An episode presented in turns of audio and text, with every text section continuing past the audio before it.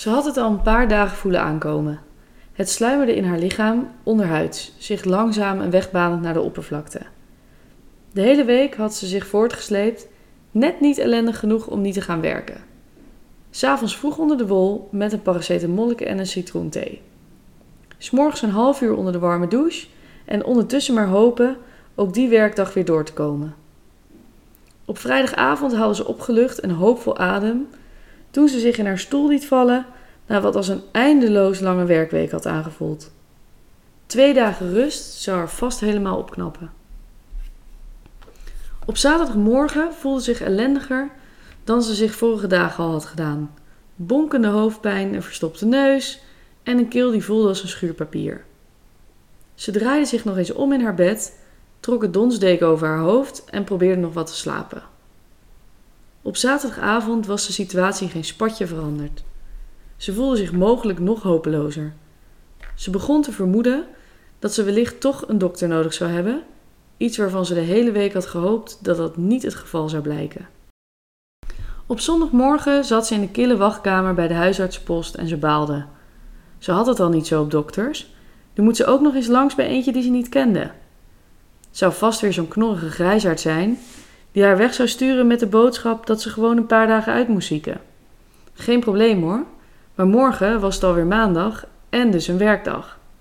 Ze zou wellicht een afwezigheidsbriefje nodig hebben. Als de dokter haar dat gewoon kon bezorgen, trok ze voor de rest wel haar plan. Ze schrok op uit haar overpeinzingen toen iemand de deur van de wachtzaal opentrok. Een jonge man met kristalblauwe ogen en piekjes in zijn haar keek haar nieuwsgierig aan. Mevrouw van Donk? Ze knikte, maar maakte geen aanstalten om recht te staan. Pas toen de man haar verzocht om mee te komen, begon het haar te dagen dat dit de huisarts moest zijn. Ze haastte zich achter hem aan in de richting van zijn kamer.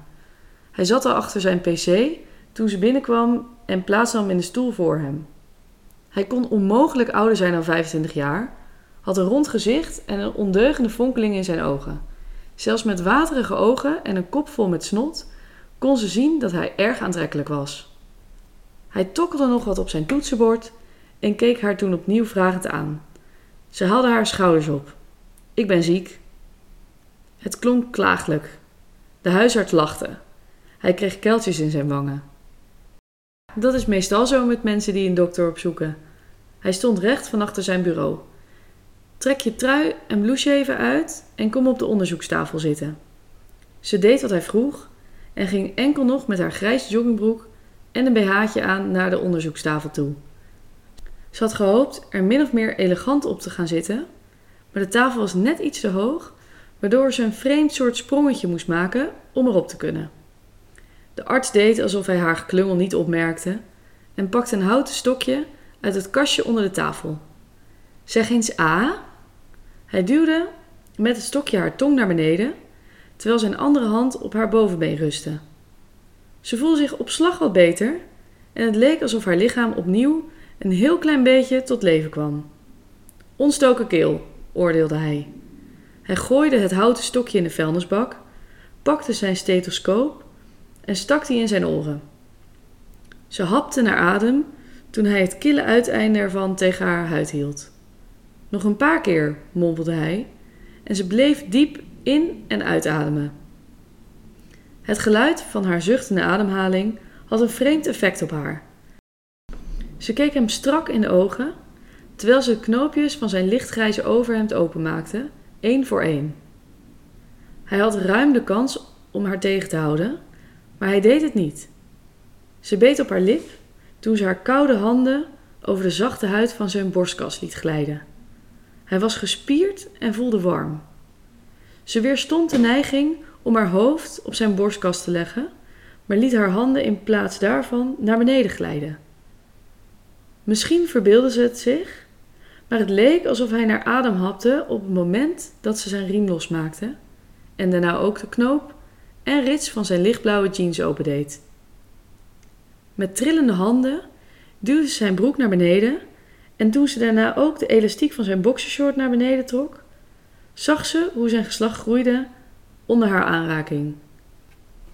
Ze aaide met het topje van haar wijsvinger zachtjes over zijn eikel en was verrast toen ze voelde hoe de dokter de sluiting van haar BH opende en hetzelfde begon te doen met zijn vingers en haar tepels. Ze liet haar hoofd achterover vallen, had het opeens niet koud meer.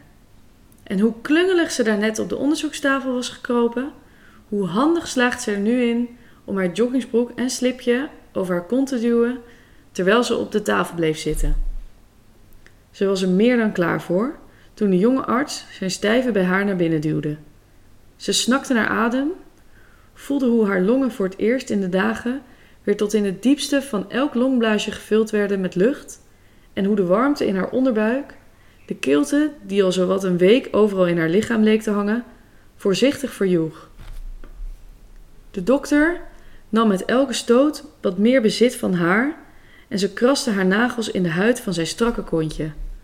De golven van haar eigen genot leken ook de dokter te overspoelen en ze hoorde hoe hij grommend de climax bereikte.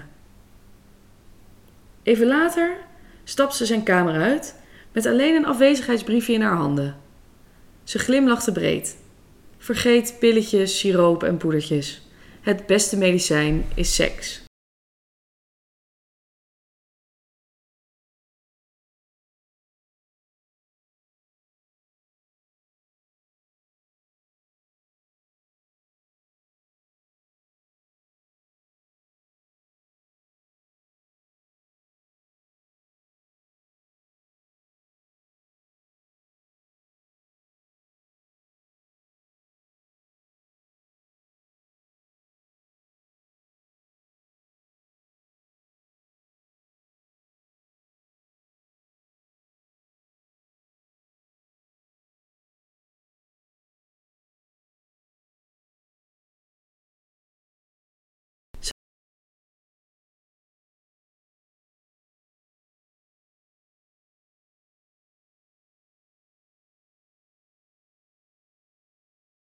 Ze liet haar hoofd